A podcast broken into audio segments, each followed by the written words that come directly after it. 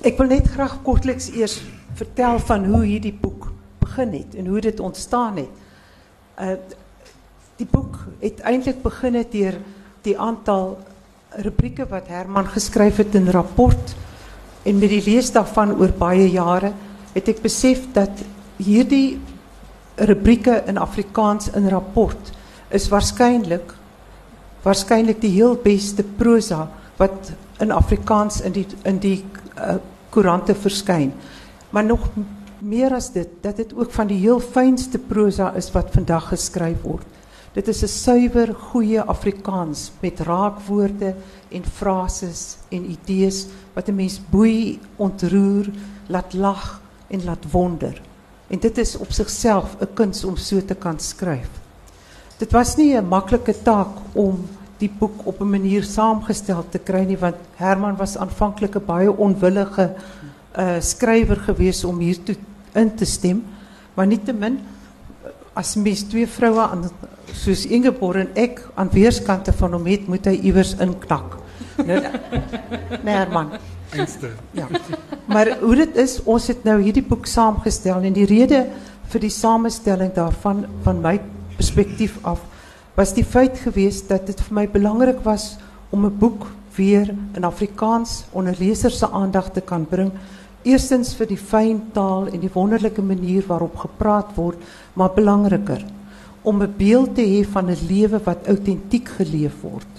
En nog belangriker om daardie aanvoeling te hê in 'n wêreld waar emosies, regte emosies van regte mense, weg van die sogenaamde kunsmatige celebkultuur kan ervaar word.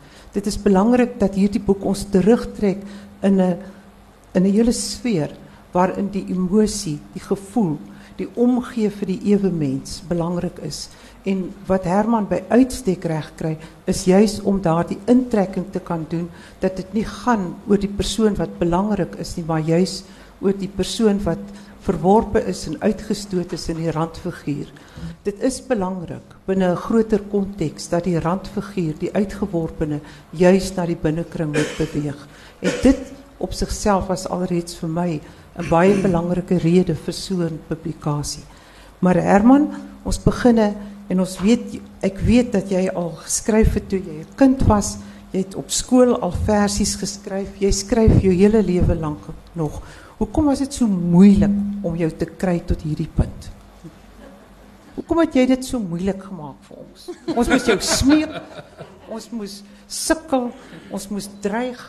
Ingeborg moes jou uitneem vir hoeveel etes? Ehm um, kan, kan julle my hoor? Ehm um, wel uh ek ek dink dit is omdat ek nie daarvan hou om in die limelight te wees nie. Dit is vir my belangriker om te skryf oor die randeiers en ehm um, oor uh, persoonlike goed, miskien net my kinderjare en oor prostituie en bergies en daai tipe van mense ehm wat ons nie raak sien die spookasems. Ehm um, en dit is vir my dit dit gaan nie vir my eintlik oor my ek ek is nie ek wil nie in die limelight wees nie. Um hou daarvan om om agter die in die lecolise in die in die um backstage te wees. So dit is vir my um ongemaklik eintlik om um nou 'n soort van want dit is nou lekker dat ek die boek vashou en ek die boek het. Ja. Maar dit was my ek um, vrees aan jaand in die begin, ek moet erken. Maar ons het daar mooi na jou gekyk, né? Nee, baie mooi, baie dankie. Maar ons het jy het beginne met die eerste stukkie wat jy geskryf het. Vertel 'n bietjie hoe jou rubriek by rapport begin het. Ehm um, ek het ehm um, vir lang ruk het ek mos nou glad nie Afrikaans geskryf nie. Ehm um, want ek was vreeslik ehm anti die NG Kerk en anti uh, Broederbond en al daai goed. En toe ek so 4 jaar terug te begin ek nou weer in Afrikaans skryf na 20 jaar. En ehm um, toe het ek agtergekom maar eintlik voel dit vir my asof ek huis toe gekom het en ek het gevoel soos die verlore seun wat teruggegaan het na na sy vader toe in hierdie geval moeder moedertaal en en toe het ek begin agterkom maar ja hier staan wonderlike woorde wat mense in Afrikaans kan gebruik wat in Engels net nie moontlik is nie. Dieselfde die soort van idiomatiese Afrikaans wat ek gehoor het by bergies vir for example.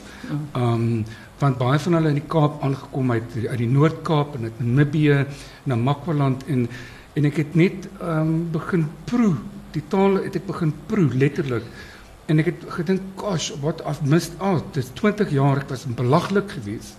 En toe het ek woorde wat ek wat ek gehoor het en waarvan ek gehou het het ek begin stories opmaak rondom hulle. En die eerste woord wat ek net dit gedoen het op Facebook was wisseldans. En nie baie mense uh, dans meer. Hulle moet ook die Paul Jones.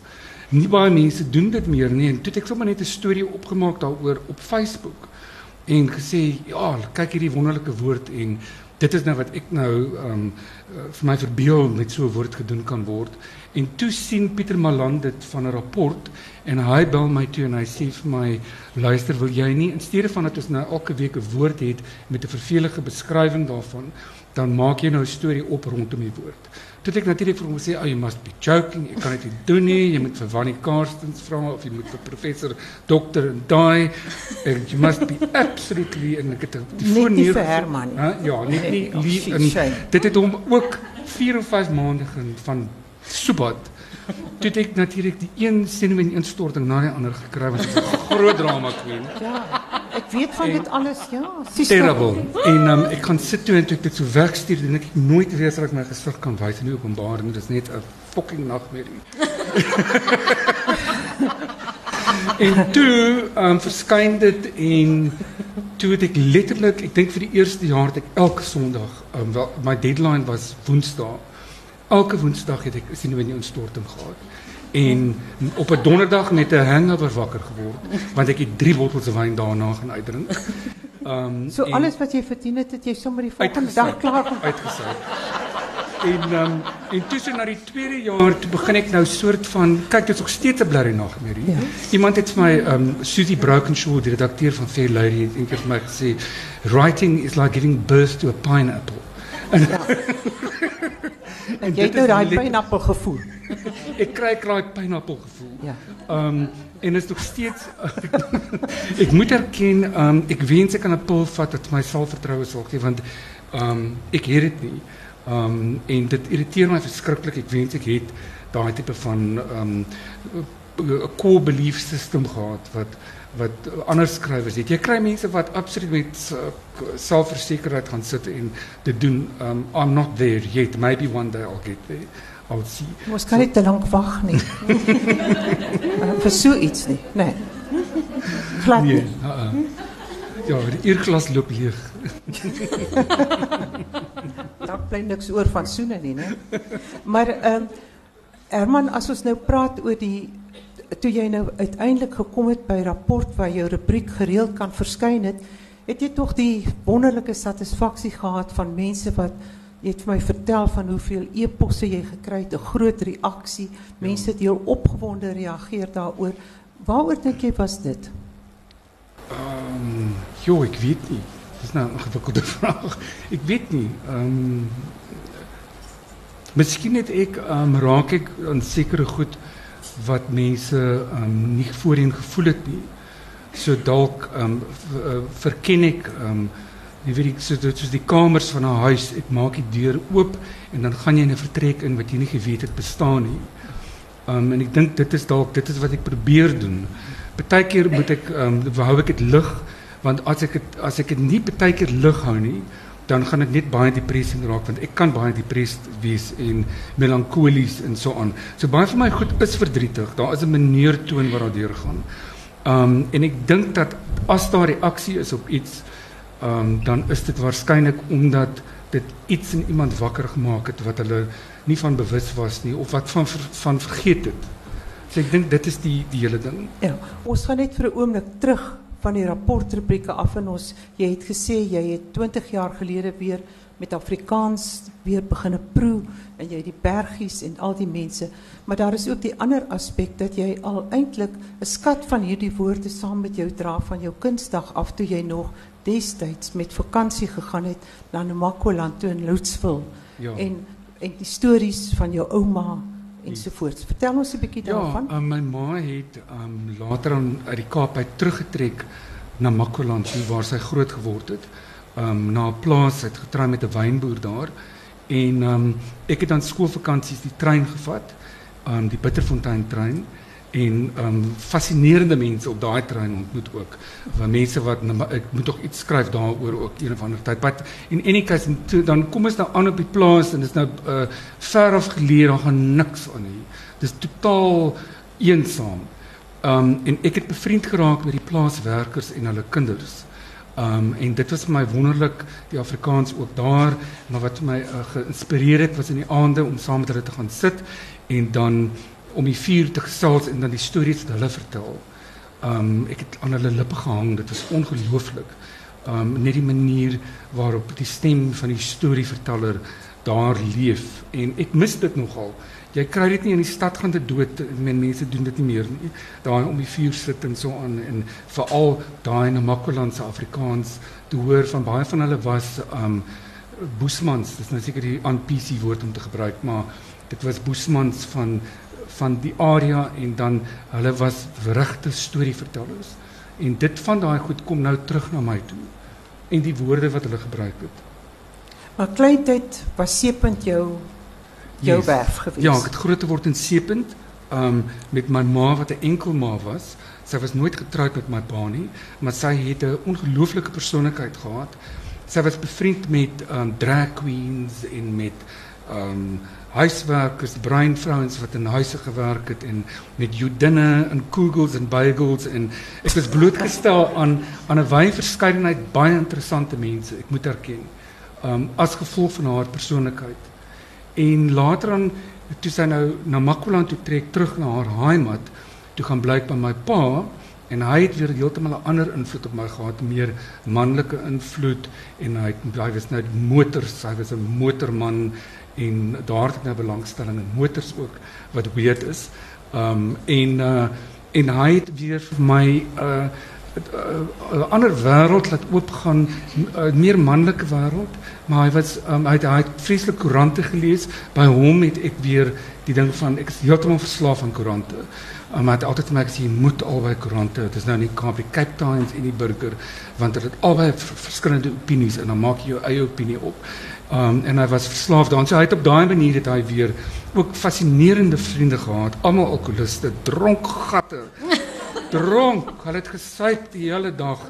Met my pa was dit wild geweest want hy het vir 6 maande van die jaar was hy volslaa alkoholis. Dat hy glad nie gewerk nie. Dan was ons ontsettend arm. My arme stiefma, sy moet werk in die bank by Trust Bank. En um, so, ja. daar was altijd altijd een bordje kost daarom op die ding. Maar voor zes maanden was het armoede, want mijn pa heeft geparty. En hij is zomaar verdwijnd voor drie weken en dan kom hij terug. Ik heb zeker van dat baie girlfriends gehad. Ehm, en dan ruk hij hemzelf recht. En dan voor zes maanden leven we als konings. Dan is die geld rol. En hij was mal oor uit Dan gaan we naar die Ritsplaza en Sepen daar op de 22 e vloer. Ik moet optreden in een suit. Ik heb nog een foto hier wat ja. denk ik daarvan optreedt in de shoot, dan eet kreef en steaks en zo so aan. En dit is net die good life, I'm telling you. En hij heeft mijn boeken gekoop en aangegaan. Maar ik heb natuurlijk altijd geweten dat dat will come to an end. Because it did. Zes maanden, dan slaat hij weer die botel. Zo, so, hij was in die AA voor die zes maanden gewoonlijk. En dat is baie boring, dat alcoholisme. Baie boring. Um, ik zelf was in die AA twee jaar. Dat was de ergste tijd van mijn leven want ek kon glad nie drink nie en ek wil nooit weer dit doen nie. Ek moet dan in die aande 'n hê. Ja. Wyn. Nee, nee. Wyn. 'n Bottle of twee. Ja. Mens moet nie hierdie verklein woordjies gebruik nie. Baie wyn. En ek hou van om met te begin 'n double Jack Daniels. Ja. Ek kan nog steeds by die Ritsplaas elke aand 5 uur. 5 uur as ek klaar gewerk het, dan gaan sit ek daar op die 21ste vloer. Dan bestel ek my twee double Jack Daniels en dan begin die aand. So. Elke man het sy inspirasie nodig, nee. Ja nee. Einste. Ek baie goed, baie so, goed. Maar ek hou my term in die dag. Ja ja. Maar as ons net net net. Nou, ons gaan net vir 'n oomblik terug, net vir 'n oomblik terug en tog in hierdie hele situasie was daar hierdie hier agter toevallig nou was daar daardie jaar Yes, ik ehm, was voor jaar in een kinderhuis geweest. Mijn ma kon eenvoudig niet naar mij kijken toen ik zes jaar oud werd. Want daarna zij was nou een single mother en in die zestiger jaren. Dat was een verschrikkelijke schande geweest. Um, ehm, en als ik terugkijk, dan denk ik, wauw, zij was een sterk vrouw geweest om dit aan te vatten. Want zij kon mij natuurlijk weggegeven voor aanneming of zij kon een abortie onwettig. Maar zij besluit, zij hou hierdie kind. En zij komt uit die Afrikaanse achtergrond wat baie konservatief was en so aan in die NG Kerk en en dit was net verskriklik. Die NG Kerk wou my nie eens doop nie. Um sy kon nie haar voete weer daar sit um voordat sy nou om verskoning vra dat sy nou 'n hoer was nie. Wat sy you know Um in any case so toe het sy toe ek 6 word ons arm sy's 'n single ma toe sê sy my kind jy weet ek ek kan nie ek kan jy wil jy moet nou skool toe gaan. Toe sê sy maar jy moet nou ek gaan vir jou Durban wil maar dit is 'n kinderhuis. En dit het vir my that changed everything for me for the rest of my life. Ek dink dit is wat my my derde oog gegee het wat ek kan kyk na goed met pathos en dat ek vreeslik 'n uh, aanvoeling vir verlies het. Want dit was my ontsettend die dag toe sy my daar gaan aflaai en ek het al geskryf vir ook die dag toe my ma my gaan aflaai het. Want ek is 6 jaar oud en ek is totaal lief vir my ma. Sy is al wat ek ken en sy laat my by die kinderhuis af en sy ry weg ek sal dit nooit vergeet nie en daardie jaar was vir my net ongelooflik um traumaties ek ek ek weet nie dit, dit moes gebeur seker vir 'n rede want ek dink nie ek sou vandag kon skryf as dit nie met my gebeur het nie en ek sê nie almal moet iets traumaties deurgaan om te kan skryf maar ek dink dit het 'n invloed op my gehad. Na 'n jaar was my ma devastated. Ek kon nie meer aangaan nie toe ek maal sy my. En toe gaan ek net weer terug. Maar daai jaar het 'n blywende invloed op albei van ons gehad vir die res van ons lewens. Dit het haar ook getraumatiseer.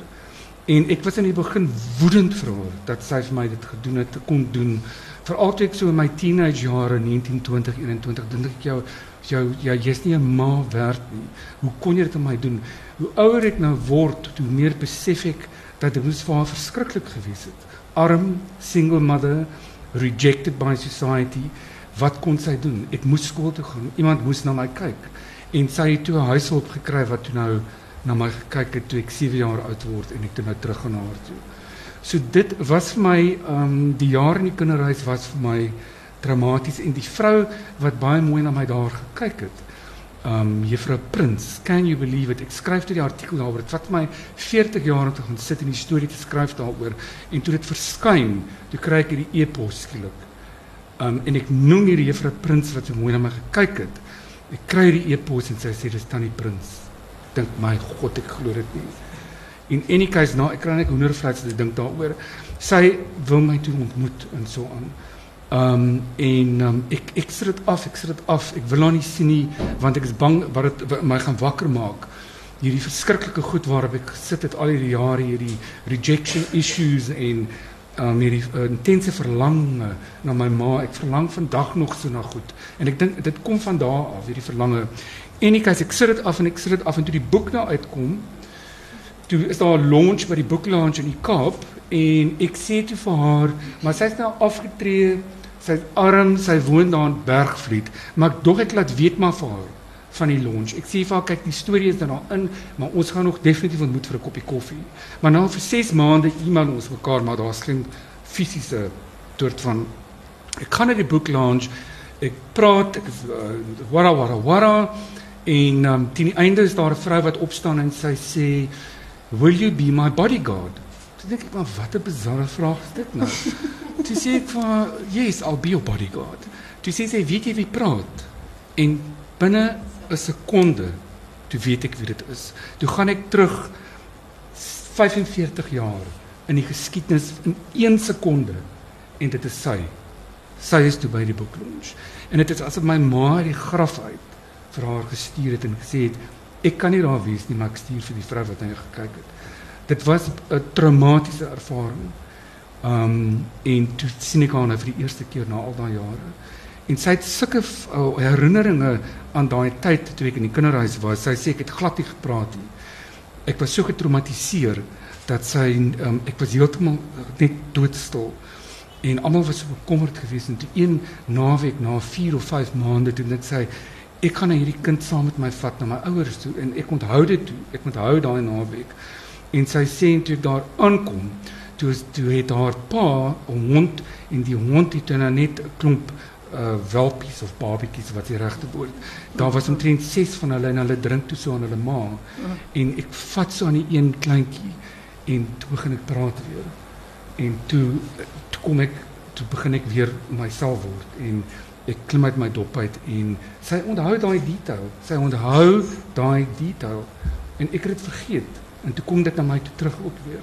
So dit is nogal interessant. So de hoekom ek nou hierdie storie en jy nou daaroor praat is dat daai was 'n um, onomwonde deel van wat ek vandag is. Ek kan dit nie um, ontken nie en en dit is vir my absoluut duidelik dat 'n kind of tot op die ouderdom van 7 dat wat jy met daai kind doen gaan vir die res van die lewe by daai kind bly. Finish en klaar. Ehm um, en en uh, um, ek wou nou iets anders gesê daaroor. Okay, it will come back to me, but fine. Ja. So dit is nou ehm um, Ik kijk vandaag terug het zonder enige bitterheid. Maar ik wil graag, ik wil graag voor jou vragen eh, eh, eh, een stukje voor ons voor te lezen, maar voor dit wil ik net, wil ik net praten over die tweede gedeelte van die boek, waarin Herman over een aantal karakters, een aantal figuren praat wat zijn pad gekruist. Wil jij niet kortelijk daarover iets gezegd, Herman? Over die verschil, want het is uiteenlopend, het is van die dichters tot ja, behoeren. En tot? Tot. ja. ek het um, baie goed bevriend geraak toe ek 16 jaar oud was, toe het ek 'n fan letter um, geskryf vir Sheila Cousins wat in die Kaap gebly het toe sy net in Suid-Afrika aangekom. En ek lees die gedig en ek is drama queen ek is heeltemal devastated. Ek kan nie glo dat ek hierdie mooi gedig lees nie. Onmiddellik skryf ek vir hierdie vrou. Ek ken hom van geen kant af nie. Ek sê van hierdie gedig het my nou heeltemal verpletter het al my paadjies toegegroei. Ek sal dit nooit vergeet nie. In any case, ek stuur die brief toe nou na Tafelberg Uitgewers want hulle is toe na die die um, uitgewers. En seker so 10 dae later hoor ek nou my my naam word nou geroep oor die interkom by die skool en ek dink, "O, oh, ek is nou weer in die moeilikheid."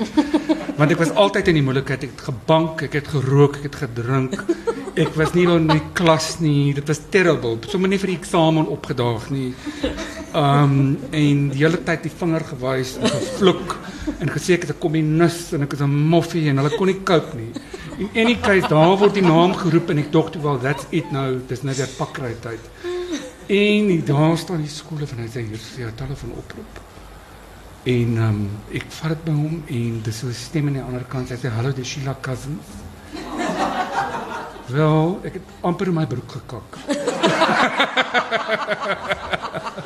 Want nou is dit my soos 'n rockster, jy weet. Ek is so 'n nerd, maar dit is nou 'n poet wat my daal vir my met my ou ek is 16. Kan dit nie glo nie. Sy sê my, um ek wil jou ontmoet vir 'n koppie koffie. Oh, kan kan nie glo nie. En ek sê ons maak dit die afspraak Zervins Cake and Coffee Shop um in die tuinesentrum Vrydagmiddag na skool. Ek sal dit nooit vergeet nie. Ek is nog in my skoolklere en ek stap stap stap stap so 'n warm dag en ek stap in by Zerben's Cake and Coffee Shop en daar sit jy toe nou ook. En dis toe nou waar ek jou ontmoet vir die eerste keer en um daar sit Sheila Cousins. Gebrand, die gesig en die vingers net twee vingers in elke hand. En sy steek haar hand so uit en ek vat haar aan en ek sê aangename kennis my ek sê vir haar mevrou cousin sy sê vir my moenie van 'n vrou noem nie. Noem my Sheila want vriende noem mekaar Sheila. En um, noem noem my Sheila. ja noem mekaar want vriende. En toe van daai tyd af het ek 'n baie hegte vriendskap met haar en met jou gevorm en het ook 'n groot invloed gehad op my manier van kyk na goed. Want sy kom as eenvoudige goed vat en 'n ongelooflike gedig skryf daaroor. 'n Koekie seep word 'n gedig. 'n Rit in 'n motor word gedig. Um so dit um en dan dit is nou een van die stories in die tweede helfte van die boek en dan is daar hierdie fantastiese vrou wat ek ken. Sy is 68 jaar oud en sy is nog steeds 'n prostituut insepend. Sy werk elke dag Ek het daarna net na die dag weer gesien toe sê sy I've just had a very busy shift. dis dis ek vir what is the morning glory shift want dis die dis die oggendskof sy noem dit die morning glory shift. en sy lyk fantasties. Sy het nou net 'n hele stel nuwe tande, een van haar VIP kliënte het vir haar nuwe tande laat insit. En ehm um, sy lag so die tande blink so. Ek sê my god, het jy nuwe tande? Ja, ek nuwe tande. Ehm um, en ek seker wanneer ons nou 'n bietjie botox, die vel is pragtig. Sy trek beautiful aan, maar sy's 68 jaar oud. En sy staan daar in Groenpunt, Elsie, Virginia. Daar is Virginia. Kyk maar net, ek het die foto by die Ritz Plaza geneem. Ehm um, want sy want sy hou van champagne. So ek moes haar nou 'n soort van seduce want sy wou nie met my praat nie. Dan net ek nou moes sê, "Oh, please come I'll buy you. What do you want?" Sy sê, "A bottle of champagne, darling." Ehm um, dan vat ek nou en dan so maak ek nou 'n bietjie dronk en dan begin sy praat. So dit was moeilik om inligting uit haar uit te kry. En ultimately na 6 maande van drink en praat, toe sê sy vir my, "Okay, you can write the story." But I don't really want to but okay. En dit is so snaaks net hoe die storie uitkom toe kry ek 'n e-mail via die redakteur van 'n vrou wat sê my Here ons was saam met haar op skool in Hermanus gewees ons hou 'n matriekreünie jy moet van jy moet vir haar sê want sy moet kom ons sal vir haar betaal Imagine. Imagine daai shifte, hè? En hulle is heeltemal cool daaroor. Hulle sê ek meen sy was 'n rykmans vrou gewees op 'n dag. Ek onthou haar toe ek op skool was en ek stap terug koshuis toe en so aan of terug seepunt toe na my ma en sien ek hierdie vrou in um in 'n so goue Mercedes met 'n open roof so 'n coupe, lang blonde hare. Sy het 'n winkel gehad in die stad by die naam van Tusk. En um toe is die man net skielik dood want dit is ek weet nie wat presies die storie is nie. Hy los haar toe met niks en sy verloor toe die besigheid en dinge gaan toe net verkeerd en dit is van daar af wat sy toe besluit het maar sy gaan nou massages doen om ekstra geld te verdien want sy's 'n trained uh, nurse eintlik. Um en sy doen massages en toe op 'n dag toe sê die een maar can't I have a happy ending. En toe, en I'll pay you extra. En toe is dit nou waar haar storie vandaan kom. toe blom daai nagblom. Nog tyd. Maar as ons net vir 'n oomblik om terug te keer na jou skryfwerk toe, veral jou rubrieke en jou rubrieke oor woorde en 'n soort van magiese realisme wat ook daarin voorkom. Ek het gewonder of dit nie miskien ook uh terug uh, slaan na uh, die een bundel uh nie nie nie 45 van Sheila, die enigste die enigste prosa bundel wat sy geskryf het was was dit 'n invloed of Ja, nie? Ek het nog, wou nog altyd vir jou vra maar onthou dit nou vir die eerste ja, keer. Ja, weet jy, dit was 'n fantastiese boek. Sy het nog vir my geteken en jy weet hoe breek hulle moes eendag in by my plek. Seker so 20 jaar en hulle steel boeke, DV um, s- um, video's en al daai goed en dit is weg. En um, wat hulle met daai bundel wil doen, weet ek nie, want dit was uh, obviously dit was 'n baie uh, unieke manier van dit was poëties waar sy is baie poetry in in daai kortverhale van haar. Um, en dit het definitief 'n invloed gehad. Ek um, atmosferies. Sy sy het die vermoë gehad om 'n ongelooflike atmosfeer te skep in in haar kortverhale. Wil jy vir ons iets voorlees? Wil julle wat ek Okay. Ehm um, Hoeveel tyd het ons nog? daar is nog 20 nee. minuten. Huh? 20 minuten. Nee, nou maar goed, wag, hierdie ene wat het Okay. Ek het eendag het ek gesit nou Die wat? nee, uh, dit gaan ek sal by daai ene uitknop. Maar die die. Um, ek het uh, geloop daai dag en gedink o, Here, waar gaan ek nou skryf? Want ek was nie lus vir iets hartseer en sad nie. Ek het al ek het so 'n hele lys van tragiese, melankoliese goed wat mense sal laat selfmoord pleeg. En ek dink toe nee, ek kan nie dit nou daar. Ek moet nou laat ek gaan stap in Langstraat en gou-gou dink net 'n bietjie stap as jy loop dan dan kom die idees mos na jou toe. Ehm um, en toe gaan ek in by by die boekwinkel daar langs in Cranford van die laastes wat oorbly. En ek is besig om so te kyk deur die boeke en ek kyk so uit deur die venster buitentoe. Anderdag staan ek in een van die laaste boekwinkels in Langstraat en kyk deur die venster. Buite staan 'n groot pikswart Porsche Cayenne Turbo. Die motor seksie soos 'n ongetemde raka.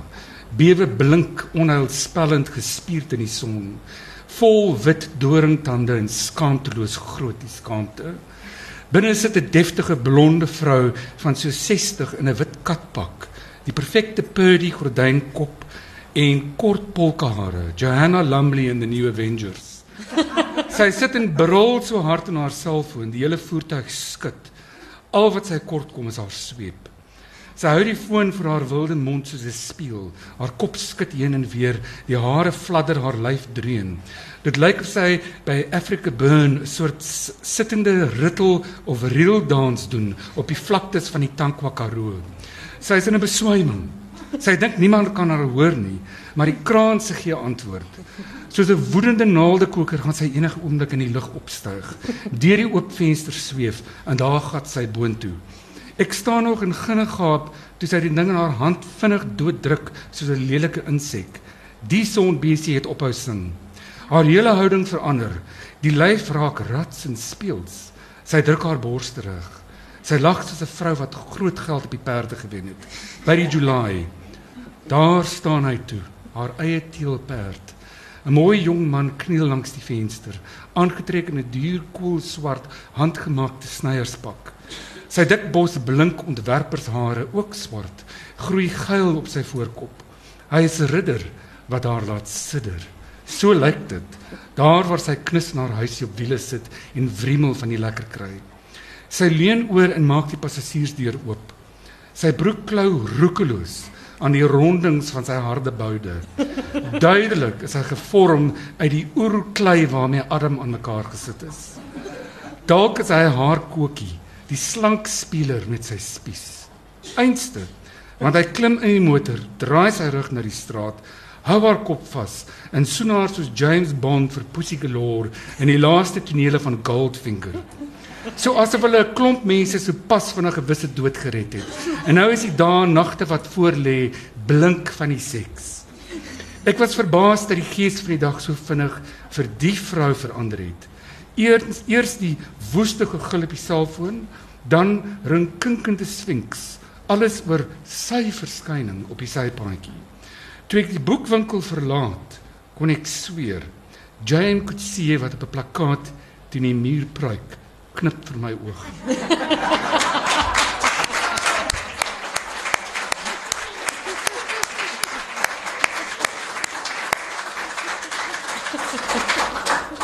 Ehm um, daar was eene wat ek graag as daar daar is nog tyd wat ek wil lees hier wat nou 'n bietjie meer ehm um, ernstig. O, o, ek vergeet hier voor in die boek is daar 'n aanhaling. Anybody who has survived his childhood has enough information about life to last in the rest of his days. Flannery O'Connor. And I believe I think that's very true. Okay. Ek wil graag vir julle ietsie lees wat my verskriklik upset het. Um, Die naam daarvan is okay, hier is dit. Kamers van die hart. Ek het na baie jare by my ouma se eenvoudige huisie in Loetswil aangekom. Buite het die sonbesies en tone gesing. Dit was warm soos in die ou dae. Ek het in haar kombuis gaan sit. Buite die kombuisvenster was daar nog dieselfde kujawelboom waaronder ek as kind gespeel het. Die stowwerige rooi sand van 'n makwaland het nog streepies op die stoep gelos. Dieselfde stoep waar ek as tiener my ouma by vloer gekry het na haar beroerte. Hulle het haar hier kom haal. So besoek ons soms die huise van ons jeug en dit laat jou nie onaangeraak nie. Dis asof iets jou met intense deernis kom vashou, vasdruk. 'n Vriendin van Kensington in Kaapstad waar Trevor Manor groot geword het, vertel my daar is eendag 'n een klop aan haar voordeur. 'n Middeljarige vrou staan voor haar, duur Versace kopdoek groot sonbril, ietwat aarzelend. Sy vra mag sy binnekom. Dis die huis waarin sy groot geword het. Sy woon al vir jare in Auckland. Hulle stap deur die huis van vertrek tot vertrek en die vrou gaan sit in die kombuis en hou vas aan die tafel. Sy begin onbedaarlik huil. Sy ruk so hard dat Rona langs haar gaan sit en haar moet vashou. In 'n gedig oor 'n herbesoek aan 'n plaas in Calvinia skryf Enna Liebenberg dagwerf daghuis, dagvoorstoep. Waar is die deure? Waar is die oop vensters en die malvas? Die kiesieblare en die sewe jaartjies. Dag windpomp, dag wilger, dag pitwater. Waar is ma? Waar is sy met haar geblomde voorskoot en haar kappie wat wip as sy loop? Waar is haar stoel wat sy vergeet het voor die oond? In sy boek Noah's Story My Life in District 6 vertel Noor Abraham toe hulle by hul huise uitgejaag is Kaapsvlakte toe. Saam met hulle trek sy wetvlugduwe waarmee hy pryse gewen het. Hy het vir hulle hokke gebou uit die oorspronklike hout waarmee die hokke in distrik 6 gemaak is. Na 3 maande op die vlakte besluit hy om hulle te laat vlieg. Hy was bewus daarvan dat sommige duwe nie sou terugkom nie. Daardie aand het hy op hulle gewag. Hy het 'n slapelose nag gehad. Is moeg die volgende dag werk toe. Op pad besluit hy om deur 'n verlate distrik 6 te ry. Maar hy het min hoop. Die hele plek was leeg. Die oostewind het gewaai en gesuis. Hy het stadig verby 'n leeplot gery in Caledonstraat, die huis waarin hy groot geword het. Toe hy stilhou, sien hy iets wat hom tot in die kamers van sy hart ruk. Sy duwe, al 50 van hulle, was saamgedrom op die kaal, troostelose plot. Toe hy uit sy motor klim en na hulle loop, vlieg hulle nie weg nie. Maar soos een het hulle opgekyk as om asof om te vra: "Waar is ons huis?"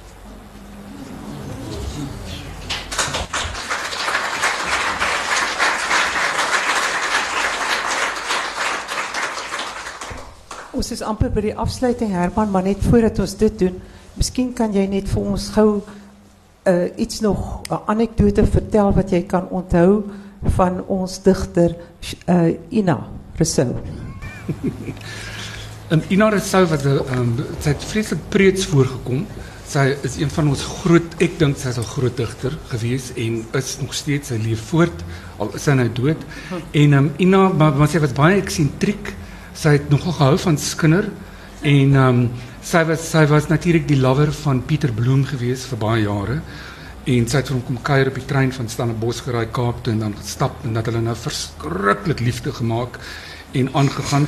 En toe sê sy vir my een eendag maar wat wat wat dan nou eintlik afgesit het van hom behalwe dat sy persoonlikheid so afstootlik was teen die einde. Was hierdie groot tiete wat hy gehad het.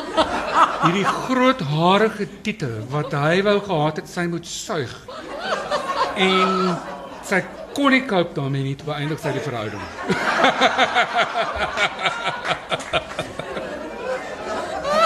en toe En toe het sy nou ook hierdie vreemde ding gehad van jy kan 'n besluit neem sonder die pendulum nie. Toe sê ek vir haar, "Wat praat jy nou van?" Want ek is toe ek woon in die tuine en ek gaan nou seepunt toe trek en ek is nou so 20 jaar oud. Um en ek en van moet ek seepunt toe trek want alles as 'n issue is met Antjie Krog. O oh, god. Jy weet. Um sal ek nou ouma waspoeier of surf koop? Kom ons skryf ek 'n dig daaroor. Um en uh, En sy sê man, dis baie eenvoudig, ons gaan die pendulum doen. Ek sê haar die pendulum. Sy vat gare en 'n en 'n um, muntstuk en dan sit sy nou so en sy en as jy sê jou naam is Herman, dan gaan die ding nou so, dan beteken dit ja. En dan sê jy jy's Koos, dan gaan hy nou soontoe, dan sê hy nee. Ek sê vir my Here, ek kan nie glo die ding werk so nie want ek vra toe nog 'n klomp ander vrae en die ding sê ja. En dan sê hy nee en dit is alles dit Sy sê ja, trust in me. en so vra ek nou, moet ek nou seepunt toe trek? En dan sê ja. Toe sê sy nou ja, dan het jy dit. En so het ek nou elke keer as ek nou besluit moes neem, dan gaan ek nou na Ina toe en dan doen ons die pendulum. maar in die meantime is hierdie vrou hierdie moerse digter wat hoogs intelligent, ek weet net skryf doktorale oor haar. Min weet hulle sy sit in pendulum en praat oor man se hare getiete. I mean, the just don't marry, do they? en wat van ons lieve uh, wat van wat van ons lieve Barend. Heer Turin? O, oh, Barend Turin was 'n wonderlike ou digter, baie onbeskof. Min mense het met hom gekom. Um en hy het 'n he called the spade spade. Maar ek was baie lief vir hom. Ek het gesien hy bedoel dit met ironie En um, as hy het verskriklik goed vir my gesê. O, oh, maar ek het glad nie ernstig opgevat nie. Um en Hy hy was baie voorbewaar met sy mond en toe het hy eendag vir Elise van Vuren gesê. Toe het hy vir haar gesê ag Elise, nou is baie lief vir vrouens, baie lief. En hy sê toe man, ek net moet nou gaan lê net kaal op my bank. Dan wil ek jou lek van kop tot tone. Dis is 'n nee behaar en ek dink nie so nie, want jy's te oud vir my en jy lyk soos 'n ou skilpad en ek is nie lus dat 'n skilpad aan my lekkie. Miskien is dit die manier waarop ons nou hierdie praatjie kan afsluit deur te sê dat dit is miskien die waarde van hierdie boek, dat ons kan lag, dat ons daaroor kan nadink, dat ons kan voel en dat ons kan ingesteld wees op die soort gevoelens wat ons so dikwels van ons wil wegweer. Die gevoelens van die mense wat eintlik nie ons soort is nie en wat weg van ons staan. Maar weer herhaal ek wat ek in die begin gesê het, dat hierdie is 'n boek wat deel met die autentisiteit van die lewe. Dit laat jou weer werklik mens voel. Baie dankie.